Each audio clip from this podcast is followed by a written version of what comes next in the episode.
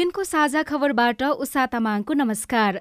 साझा खबर देशभरिका सामुदायिक रेडियो सीआईएन खबर डट कम सीआईएनको फेसबुक पेज र मोबाइल एप सीआईएनबाट पनि सुन्न सकिन्छ।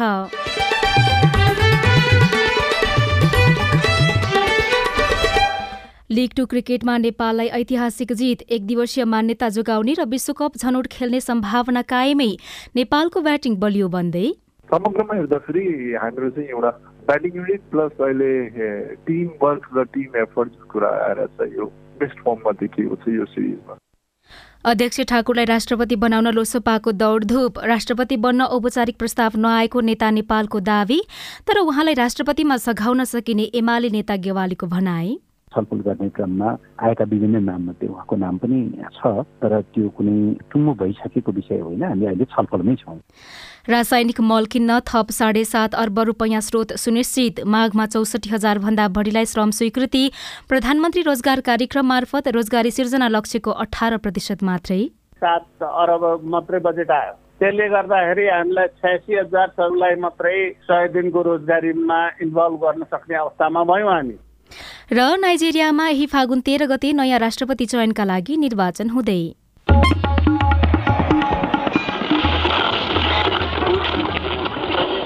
सयौं रेडियो।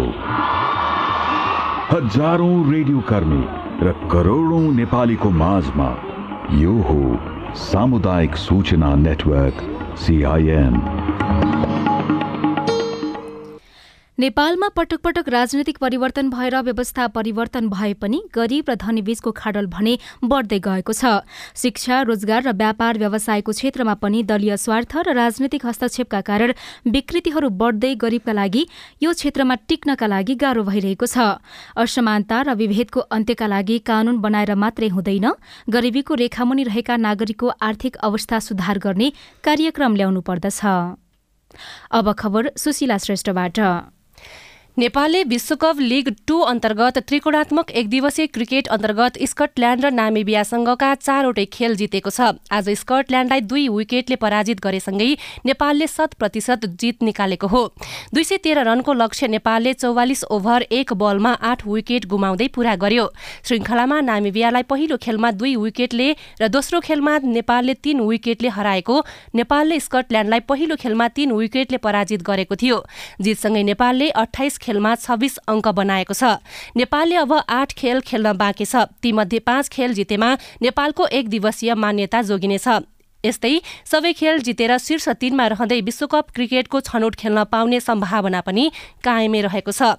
आजको जितमा कप्तान रोहित कुमार पौडेलले नकआउट पञ्चानब्बे रन बनाउनु भयो यस्तै करण केसीले पनि नकआउट एकतिस रन बनाउनु भयो खराब सुरुवात गरेको नेपालका लागि रोहित र करणले नवौं विकेटको लागि चौहत्तर रनको कीर्तिमानी साझेदारी गर्दै जित दिलाउनु भयो किर्तिपुरमा टस हारेर पहिला ब्याटिङ थालेको स्कटल्याण्डले छयालिस ओभर एक बलमा दुई सय बाह्र रनमा अल आउट भएको थियो।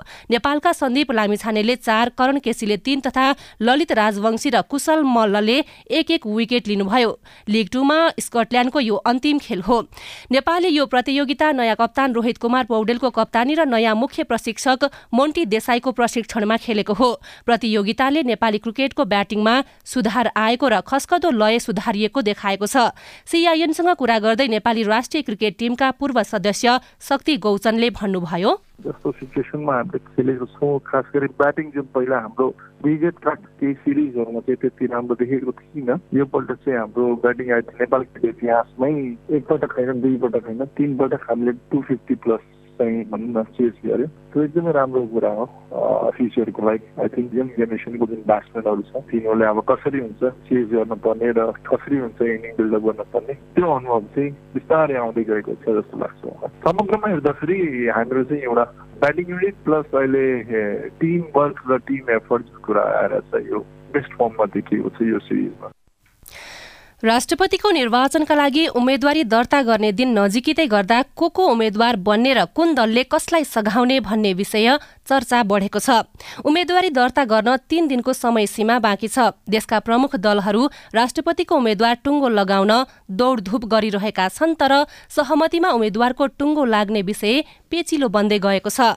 नेकपा एकीकृत समाजवादी पार्टीका अध्यक्ष माधव कुमार नेपालको नाम भावी राष्ट्रपतिका रूपमा चर्चा भइरहेको छ भने नेपाली काङ्ग्रेसले वरिष्ठ नेता रामचन्द्र पौडेललाई राष्ट्रपतिको उम्मेद्वार बनाउने चर्चा चलिरहेको छ। सत्ता साझेदार दलभित्रै राष्ट्रपतिको उम्मेद्वार टुङ्गो नलागिरहेका बेला राष्ट्रपतिको प्रस्ताव लिएर लोकतान्त्रिक समाजवादी पार्टीका अध्यक्ष महन्त ठाकुर प्रधानमन्त्री पुष्पकमल दाहाल प्रचण्डसँग भेट गर्नुभएको छ। पार्टीको आज बसेको शीर्ष नेताको बैठकले अध्यक्ष ठाकुरलाई नै राष्ट्रपतिमा प्रस्ताव गर्ने निर्णय गरेपछि उहाँ प्रधानमन्त्री प्रचण्डलाई भेट्न बालुवाटार पुग्नु भएको हो। भेटमा प्रधानमन्त्री दोहालसँग राष्ट्रपतिका लागि पार्टी अध्यक्ष ठाकुरको नाम राष्ट्रिय सहमति खोज्न आग्रह गरेको लोसपाका नेता शरद सिंह भण्डारीले सिआइएनसँग बताउनुभयो। राष्ट्रपति सहमतिमा खोज्नुपर्छ भनेर कुरा गरिरहेको हुनाले त्यही विषयलाई लिएर चाहिँ हामीले चाहिँ अब अहिलेको अवस्थामा चाहिँ उपयुक्त पात्र चाहिँ राष्ट्रपतिको लागि सबै खालको अब स्थिति हेर्दाखेरि अहिले मुलुकलाई सहमतिको राष्ट्रपति चाहिएको पात्रको रूपमा चाहिँ महन्त ठाकुरजी उपयुक्त हुन्छ भनेर हामीलाई लागेको हुनाले हामीले त्यही विषयले चाहिँ प्रधानमन्त्रीले चाहिँ उहाँको नाममा सहमति खोज्ने प्रयास गरौँ न भनेर हामीले आग्रह गरेर उहाँको तर्फबाट चाहिँ के जवाफ आयो त? उहाँले भने एकदम ठिकै र उपयुक्त पात्र हुनुहुन्छ उहाँ चाहिँ राम्रो एकदमै ठिक छ। तर के छ भने यसको निम्ति सहमति खोज्नु पर्छ। त्यसमा म पनि सहमतिको प्रयास गर्छु। तपाईँहरू पनि विभिन्न पार्टी विभिन्न नेताहरूलाई चिनी भेटेर सहमतिको प्रयास गर्छु भनेर उहाँले भन्नुभएको छ। नेकपा एमालेसँग हामी छलफल गर्छौँ नेपाली कङ्ग्रेससँग छलफल गर्छौँ नेपाली नेकपा यस संसदमा रहेका सबै पार्टीहरूसँग हामी छलफल गर्छौँ। राष्ट्रपतिको रूपमा चर्चा भइरहेका अर्का नेता नेकपा एकीकृत समाजवादी पार्टीका अध्यक्ष माधव कुमार नेपालले हालसम्म आधिकारिक प्रस्ताव नआएको बताउनु भएको छ। दाङको भालुवाङमा पत्रकारसँग कुरा गर्दै उहाँले राष्ट्रपति बन्न आफूलाई आधिकारिक प्रस्ताव नआएको बताउनु भएको हो र यसबारेमा आफूले केही पनि नसोचेको बताउनु भएको छ। तर यसपटक पावर सेयरिङमा आफ्नो महत्वपूर्ण भूमिका हुने उल्लेख गर्दै सधैँ अरूका लागि बलिदान हुने स्थिति नहुने उहाँको भनाइ छ। एमाले अध्यक्ष केपी शर्मा ओलीले राष्ट्रपति बन्न प्रस्ताव गरे नगरेको बारे नेपालले कतिपय कुरालाई पर्दाभित्रै रहन दिनु उपयुक्त हुने भन्दै कूटनीतिक जवाफ पनि दिनुभएको थियो। नेपाली काङ्ग्रेसले भने नेकपा एमालेको तर्फबाट एकीकृत समाजवादीका अध्यक्ष नेपाललाई राष्ट्रपतिको उम्मेद्वार बन्न प्रस्ताव आएको भनेर भ्रम सिर्जना गर्न खोजिएको बताएको छ। तर एमाले नेता प्रदीप गेवालीले भने एमाले राष्ट्रपतिको उम्मेद्वारका विभिन्न विकल्पमध्ये नेता माधव नेपाल पनि रहनु भएको बताउनु भएको छ। बाहिर आएका नामहरू सामान्यतया अनुमानका नामहरू हुन् होइन? हाम्रो ध्यान चाहिँ कहाँनिर छ भनेदेखि वर्तमान सत्ता गठबन्धनलाई भत्काएर फेरि मुलुकलाई अस्थिरतातिर लैजाने जुन प्रयास विभिन्न कोणबाट भइरहेको छ त्यसलाई सफल हुन नदिने र यो गठबन्धनलाई यो सहकार्यलाई कायम राख्दै राजनीतिक स्थिरतालाई सुनिश्चित गर्ने हाम्रो मुख्य ध्येय छ। त्यो ध्येयलाई सहयोग पुग्ने उपायहरू के हुन सक्छ भन्ने बारेमा चाहिँ छलफल गर्ने क्रममा आएका विभिन्न नाममध्ये उहाँको नाम पनि छ तर त्यो कुनै टुङ्गो भइसकेको विषय होइन। हामी अहिले छलफलमै छौँ। राष्ट्रिय प्रजातन्त्र पार्टीले भने राष्ट्रपति निर्वाचनमा भाग लिने कि बहिष्कार गर्ने भन्ने निर्णय केन्द्रीय कार्य सम्पादन समितिबाट लिने भएको छ। सरकारमा सहभागी राप्रपाका नेताहरूले राष्ट्रपति निर्वाचनमा भाग लिनुपर्ने र केहीले बहिष्कार गर्नुपर्ने धारणा राख्दै आएका छन्। आगामी बाह्र गते बस्ने कार्य सम्पादन समितिको बैठकले यसबारे निर्णय गर्ने राप्रपाका प्रवक्ता मोहन श्रेष्ठले बताउनुभयो। प्रधानमन्त्री रोजगार कार्यक्रम अन्तर्गत चालू आर्थिक वर्षको सात महिनामा लक्ष्यको करिब अठार प्रतिशतले मात्रै रोजगारी पाएका छन्। कार्यक्रम अन्तर्गत दुई लाखलाई रोजगारी उपलब्ध गराउने सरकारको लक्ष्य भए पनि हालसम्म चौतिस हजार दुई सय अठहत्तर जनाले रोजगार पाएका छन्। जसमध्ये सय दिन काम गरे बापत सात हजार दुई सय पन्ध्रजनाले तलब भुक्तानी पाइसकेका छन् भने सत्ताइस हजार त्रिसठीजना अहिले काम गरिरहेको श्रम रोजगार तथा सामाजिक सुरक्षा मन्त्रालयका प्रवक्ता डन्डुराज घिमिरेले सिआइएनसँग बताउनुभयो।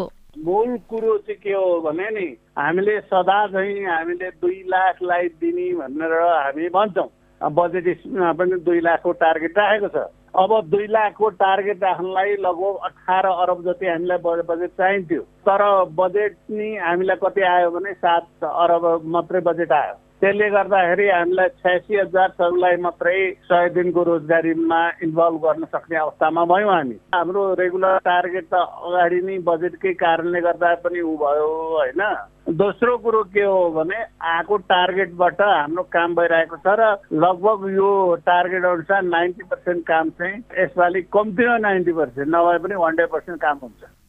स्वरोजगार कार्यक्रम अन्तर्गत काम गर्ने व्यक्तिले सय दिन काम गरे बापत तल पाउने व्यवस्था रहेको छ। हाल सात सय पैँतिस स्थानीय तहले बेरोजगार सूची दर्ता गरेका छन् जसमध्ये पाँच सय छैसठी स्थानीय तहले आयोजना सञ्चालन गरिरहेको प्रवक्ता घिमिरेले बताउनुभयो।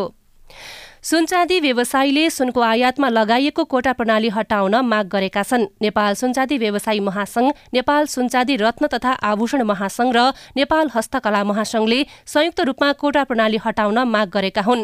नेपाल सुनचाँदी व्यवसायी महासंघका अनुसार विवाहको लगन भएको बेला नेपालमा झण्डै चालिस किलो सुनको माग हुने गर्दछ तर एक वर्षदेखि दैनिक तीस किलो दस किलो मात्रै आयात भएको छ। यसले नेपाली बजारको माग धान्न नसकेकाले कोटा प्रणाली हटाउन माग गरिएको महासंघका अध्यक्ष माणिक रत्न साक्यले सिआइएनसँग बताउनुभयो। अब कोटा सरकारको बाध्यकारी परिस्थितिको लागि मात्रै नियन्त्रणात्मक प्रणाली भने त्यो चाहिँ अल्पकालीन हुन्छ दीर्घकालीन हुनु हुँदैन त्यो नीति भनेको। खालि चाहिँ त्यो क्राइसिस म्यानेजमेन्टको लागि होइन त्यो जुन इमर्जेन्सी पर्छ नि आपतकालीन अवस्थाहरू आउँछ त्यस्तो बेलाको लागि आपतकालीन अवस्थाको लागि आपतकालीन उपाय मात्रै अवलम्बन केही समयको लागि गर्ने तर सुनको मामिलामा चाहिँ यो आपतकालीन उपायको लागि मात्रै भनेर नभइकन दीर्घकालीन रूपमै यो चाहिँ लागु भएर बसेको अहिले लगभग तेह्र वर्ष भयो। तेह्र वर्षमा नै कोटा सिस्टममै राखिराखेको अवस्था भयो। त्यस कारणले पनि हामीले त्यस्तो विरोध गर्नु पर्यो। कोभिड उन्नाइस विरुद्धको तीन लाख पैंतालिस हजार छ सय मात्रा फाइजर खोप नेपाल आइपुगेको छ। कोभ्याक्स सुविधा मार्फत उपलब्ध भएको सो खोप आज बिहान काठमाडौँ आइपुगेको हो। यसअघि सात लाख मात्रा फाइजर खोप नेपाल आइसकेको छ। स्वास्थ्य सेवा विभागका आपूर्ति व्यवस्थापन शाखा प्रमुख सुरेन्द्र चौरासियाका अनुसार बाह्र वर्षमाथिका दुई मात्रा खोप पूरा गरेका नागरिकलाई थप अतिरिक्त बुस्टर मात्राका रूपमा दिइने तयारी भएको छ। साझा खबरमा अब विदेशको खबर। नाइजेरियामा यही फागुन तेह्र गते नयाँ राष्ट्रपति चयनका लागि निर्वाचन हुँदैछ। जुन सन् दुई हजार उन्नाइस सय मा प्रजातन्त्र फर्किएपछिको छैठौं निर्वाचन हो। निर्वाचनका लागि नौ लाख चौतिस हजार योग्य मतदाताहरूले सहभागिता जनाउँदैछन्। राष्ट्रपतिको निर्वाचनका लागि अठार जनाले उम्मेद्वारी दिएको अन्तर्राष्ट्रिय सञ्चार माध्यमहरूले जनाएका छन्। सुशीला श्रेष्ठ।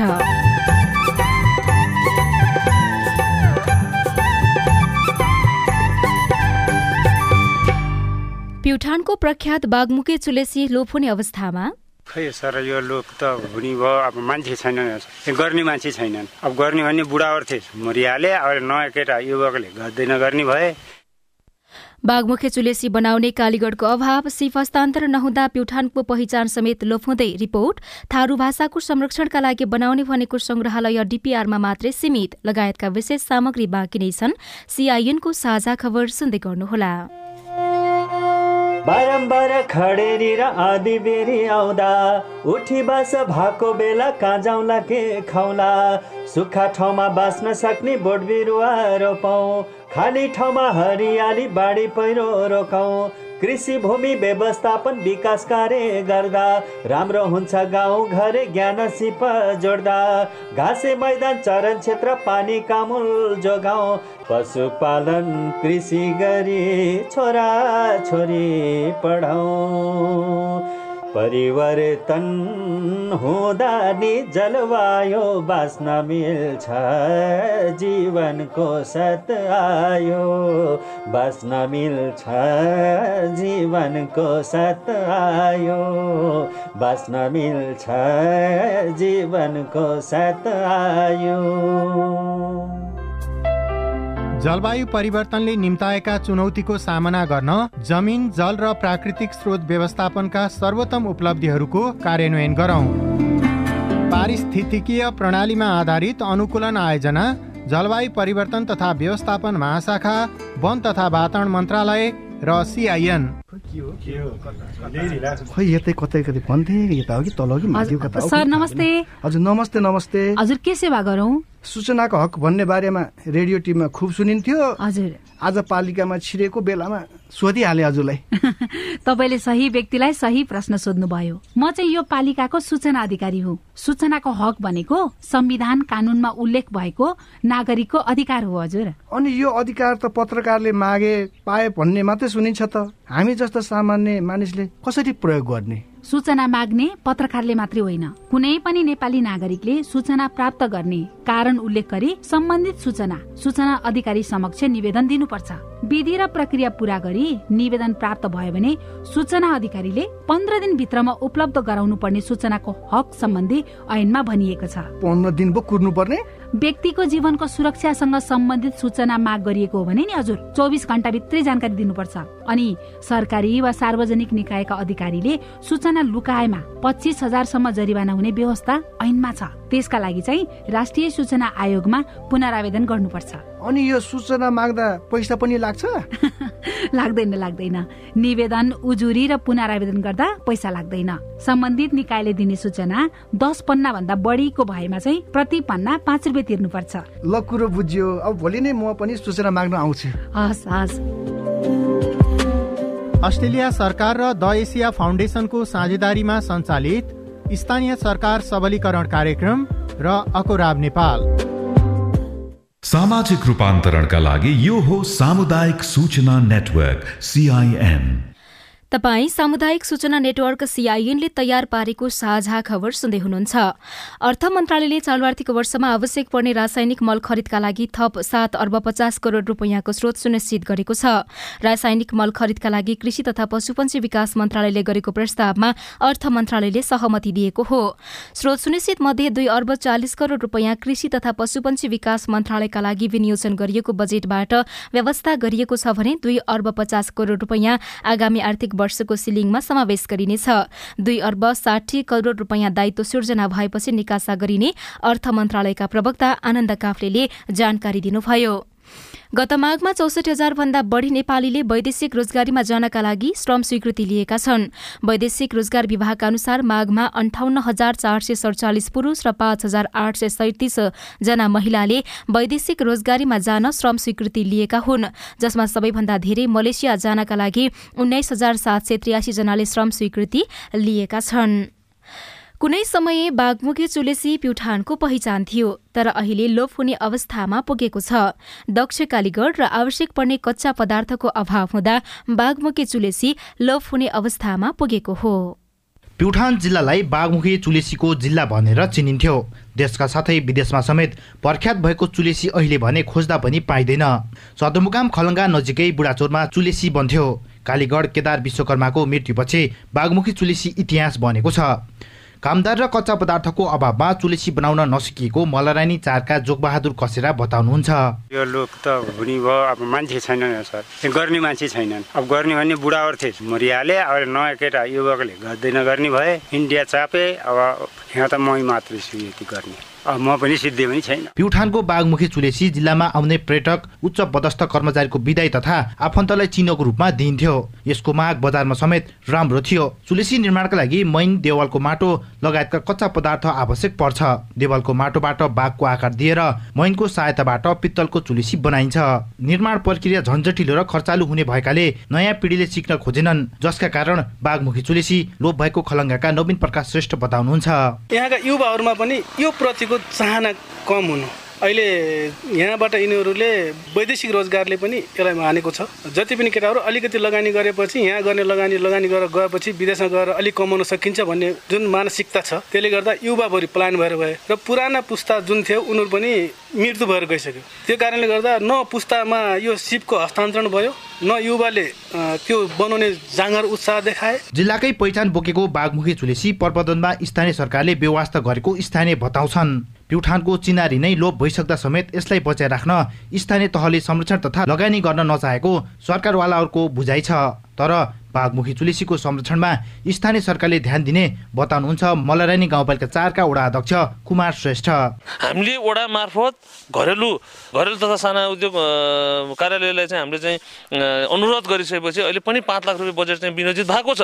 तर चाहिँ सूचना खोल्दाखेरि कसैले पनि जुन सिक्ने व्यक्तिको कसै पनि नभइसकेपछि जो जोगबहादुर कसेराको मात्रै सिकाउने मान्छेको निवेदन परेको सिक्ने मान्छे कसैले पनि निवेदन नपरेपछि त्यो बजेट चाहिँ फ्रिज हुने चाहिँ अवस्था आएको छ। जिल्लाकै पहिचान बोकेको बाघमुखी चुलेसी बनाउने दक्ष कालीगढको अभाव हुँदा जिल्लाको चिनारीमा धक्का पुगेको छ। यसको संरक्षणका लागि जिल्लाका स्थानीय तह तथा युवाहरू जागरुक हुन आवश्यक देखिन्छ। राजेश देशी सिआइएन रेडियो माण्डवी प्युठान। साझा खबरमा अब हेलो सिआइएन सजना तिमल सिन्हाबाट। सिआइएनको फेसबुक पेजमा चन्द्रसिंह धामीले शिक्षक सेवा आयोगले लिएको परीक्षाको नतिजामा चित्त नबुझे पुनः गणनाको व्यवस्था छ कि छैन भनेर सोध्नु भएको छ। चन्द्रजी तपाईँको जिज्ञासा हामीले शिक्षक सेवा आयोग समक्ष राखेका थियौं। शिक्षक सेवा आयोगका सूचना अधिकारी सुदर्शन मरहट्टाका अनुसार लिखित परीक्षाको पुनगणना गर्न सकिने प्रावधान छ तर त्यो तपाईँले छ दिनभित्र गराइसक्नुपर्नेछ। अन्तर्वार्ताको भने पुनर्योग गर्ने प्रावधान छैन। कोठी चौर पाँच जुम्लादेखि राष्ट्रिय परिचय पत्र ललितपुर प्रशासन कार्यालयबाट बनाएको जुम्लाबाट लिनुपर्ने हो ललितपुरबाटै लिनुपर्ने होला।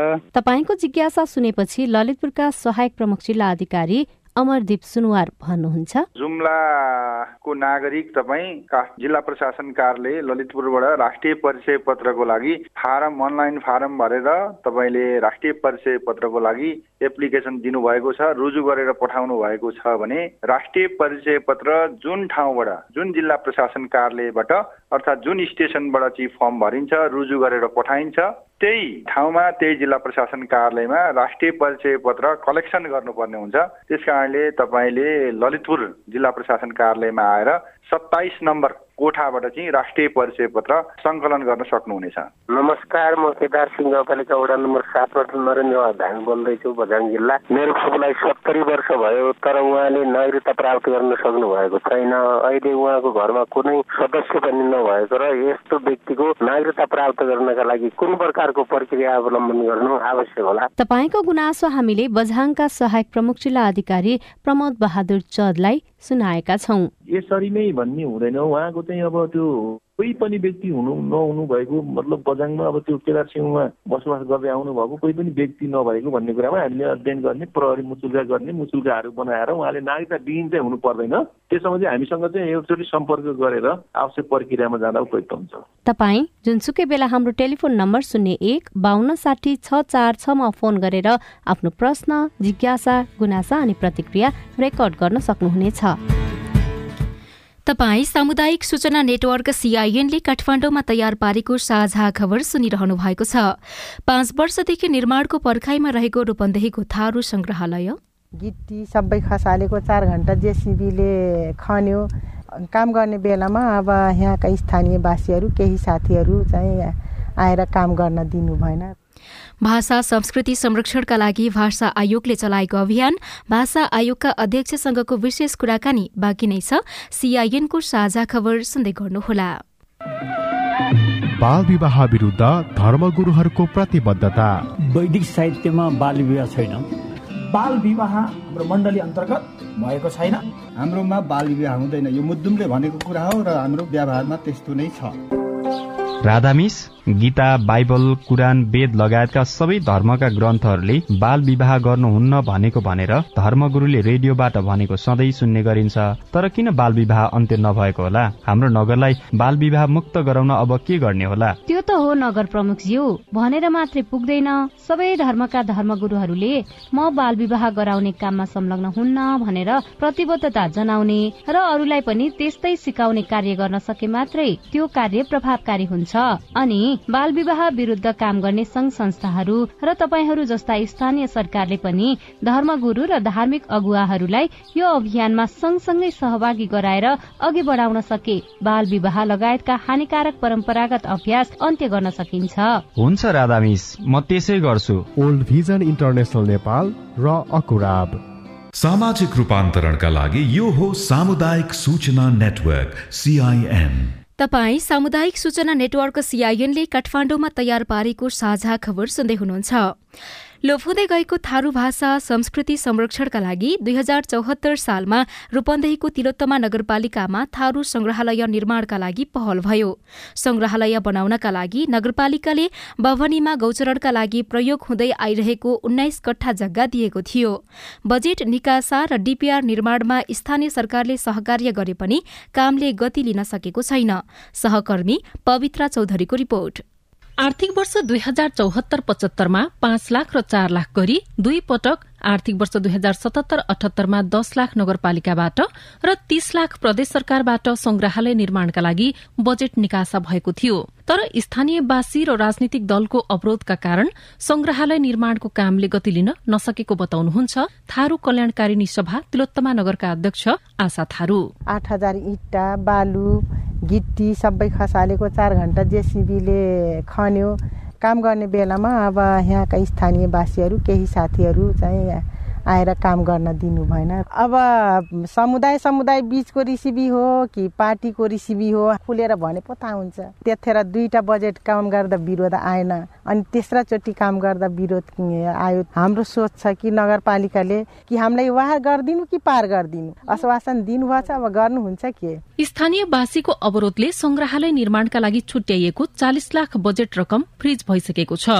बभनी टोल विकास संस्थाले स्थानीयलाई जग्गा लिजमा दिई ड्रागन फ्रूट लगाउनका लागि बनाइएका पोल पनि भत्किएका छन्। तिलोत्तमा नगरपालिका तेह्रका स्थानीयवासी राजकुमार कंवर। यहाँ तो पहिलाको टोल विकास समितिले ऊ बनाउँछु भन्दै थिए हेल्थ पोस्टहरू डराउँछु भन्दै थिए यहाँ। हामीले पहिला यहाँ काम गर्न थालेपछि अब अहिले भन्छन् अब दिन दिने तर थोरै दिने अरू अरू साइडमा अलिकति बचाउने र अरू काम गर्ने भन्दै भन्दैछन्। थारू जातिको इतिहास तथा संस्कृति बचाउने उद्देश्यले निर्माण गर्न लागि संग्रहालयले कुनै जाति विशेष मात्र नभई समुदायकै साझा विकास हुने नगरपालिकाको भनाइ छ। तिलोत्तमाका नगर प्रमुख रामकृष्ण खाँड संग्रहालय निर्माणका लागि पहल गर्ने बताउनुहुन्छ।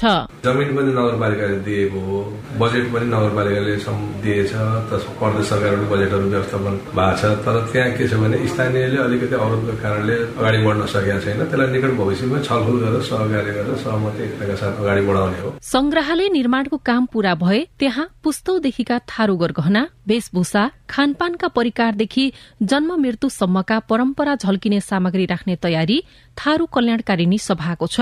यसबाट थारू भाषा र संस्कृति मात्रै होइन नगरपालिकालाई पर्यटकीय गन्तव्य बनाउन सकिने सरोकारवाला बताउँछन्। रूपन्देहीमा मात्रै होइन मुलुकका विभिन्न भागमा भाषा संस्कृति संरक्षणका लागि अभियान चलाइएका छन्। भाषा आयोगले पनि मातृभाषाको विकासका लागि भन्दै सातै प्रदेशमा सरकारी कामकाजको भाषा बनाउन एक दर्जन भन्दा धेरै भाषाको सिफारिश गरेको छ। ती भाषा कुन कुन हुन्? हामीले भाषा आयोगका पूर्व अध्यक्ष डाक्टर लवदेव अवस्थीसँग सोधेका छौं। सबभन्दा बढी वक्ता भएको भनेको मैथिली भयो लिम्बू भयो त्यो दुईटा भाषाको सिफारिस गरेका छौँ। मध्य प्रदेशमा अब मैथिली भोजपुरी र बज्जिका। बागमती प्रदेशमा हामीले तामाङ र नेपाल भाषा। गण्डकी प्रदेशमा गुरुङ मगर भोजपुरी पनि छ त्यहाँ। केही जोडिया छ तल्लो फाँटले गर्दाखेरि। अब त्यो बारेमा चाहिँ थारूहरूको पनि केही तथ्याङ्कहरूको उपनावलोकन हुनुपर्ने भन्ने किसिमले अठहत्तरको जनगणनामा चाहिँ यदि तथ्याङ्कहरूमा कुनै तात्विक भिन्नता आयो भने थारूहरूको पनि त्यहाँ अलिकति बाहुल्य देखिएको छ। लुम्बिनी प्रदेशमा थारू अवधि यी भाषा प्रकट रूपमा छन्। अरू चाहिँ अब सम्भाव्य भाषामा चाहिँ भोजपुरी र मगर भाषा पनि परे नेपाली भाषाको अतिरिक्त मगर भाषाको पनि सिफारिस गरेका छौँ। कर्णालीको लागि हो। अनि सुदूरपश्चिम प्रदेशको बारेमा अहिलेलाई चाहिँ हामीले डोट्याली र थारू भाषा दुईटा भाषालाई चाहिँ तत्कालको तथ्याङ्कको आधारमा चाहिँ सिफारिस गरिएको छ। त्यहाँ राणा थारू भाषाको बारेमा पनि तथ्याङ्कहरू पुष्ट्याइ भयो भने पछि त्यो बारेमा चाहिँ अठहत्तरको जनगणनाबाट चाहिँ थप कुराहरूमा हामी प्रवेश गर्न सक्छौँ भन्ने हिसाबले सिफारिस भएको छ। सिफारिस गर्नुभयो भनेको जनसङ्ख्या कुन भाषा बोल्ने जनसङ्ख्या धेरै छ त्यस आधारमा हो कि कसरी? पहिलो एउटा आधार चाहिँ संविधानले भनेअनुसार जनगणनालाई मान्यो तर त्यो भाषाको सक्षमता त्यहाँको सबलता त्यसको तयारी अब त्यसको अरू चाहिँ जति पूर्वाधारहरू छ पूर्वाधार भनेको व्याकरणको कुरा होला कामको किटानी गर्ने हिसाबले बनेको योजना चाहिँ स्तरगत योजना भयो। यो भाषाको कति फैलावट भएको छ यसमा चाहिँ अब शब्दको कुराहरू व्याकरणको कुराहरू त्यो त्यो त्यसको स्वरूप भनौँ न भाषाको पूर्ण स्वरूपको पनि आकलन गरियो। यसलाई प्राप्ति गर्ने आधार नयाँ पिँढीमा कसरी भाषा विस्तार गर्ने विद्यालयमा कसरी प्रयोग गर्ने भन्ने कुरा पनि यसको अन्तर्निहित वस्तुलाई आधार बनाएर हामीले तिनवटा आधारमा चाहिँ यी भाषाहरूको पहिचान संश्लेषण गऱ्यौँ। तपाईँहरूले सिफारिस गरे अनुसार मातृभाषामा सरकारी कामकाज सुरु भयो भनेर त अहिलेसम्म आएन नि। केही ठाउँमा चाहिँ प्रयास भएको छ। पाँच थरमा लिम्बू भाषाको केही अभ्यासहरू भएको छ। काठमाडौँ पनि नेपाल भाषाको केही कुराहरू अगाडि बढेको छ। दुई नम्बरमा मैथिली भोजपुरीका केही कुराहरू पनि छन् त्यहाँ बज्जिकाले पनि केही कुराहरू गरेको छ। सुदूरपश्चिमै पनि थारूको डोटियाली भाषाका प्रयासहरू नभएका होइनन्। त्यो चाहिँ अब मगर भाषाकै कतिपय स्कुलहरू अहिले चाहिँ मातृभाषामै चलेका छन्। तामाङहरूले पनि आफ्नो काम गरिरहेछन् उता मगर भाषाको मैले भनिसकेँ अवधि भोजपुरीमा। सबै भाषाहरूमा केही न केही आफ्नो तहमा चाहिँ कामहरू भएको छ। भाषा आयोगले गरेको सिफारिस कार्यान्वयन हुनको लागि कानुन अथवा ऐन निर्माण भइदियो भने अझ सजिलो हुनेछ भन्ने तपाईँहरूको सिफारिस छ कि छैन? सङ्घीय कानुन पनि अलिकति प्रष्ट हुनु पर्यो जस्तो अब कतिपय कुरा संविधानसित बाजिने कानुन पनि छन् त्यसलाई पनि सुधार गर्नु पर्यो भनेका छौँ। भाषा ऐन नभइकन यसको विस्तार गर्ने कार्यान्वयनमा जुन यहाँले भन्नु प्राथमिकता नै पाएन नि भाषा। लेग टू क्रिकेटमा नेपालले ऐतिहासिक जित निकालेको छ। अध्यक्ष ठाकुरलाई राष्ट्रपति बनाउन लोकसभाले दौडधुप शुरू गरेको छ। रासायनिक मल किन्न थप साढे सात अर्ब रूपियाँ स्रोत सुनिश्चित भएको छ र माघ महिनामा चौसठी हजार भन्दा बढीले वैदेशिक रोजगारीमा जान श्रम स्वीकृति लिएका छन्। हवस् त आजलाई साझा खबरको समय सकियो। प्राविधिक साथी सुभाष पन्तलाई धन्यवाद। भोलि फागुन दस गते बिहान छ बजे साझा खबरमा फेरि भेटौँला। अहिलेलाई उषा तामाङ पनि विदा हुन्छु। नमस्कार शुभरात्री।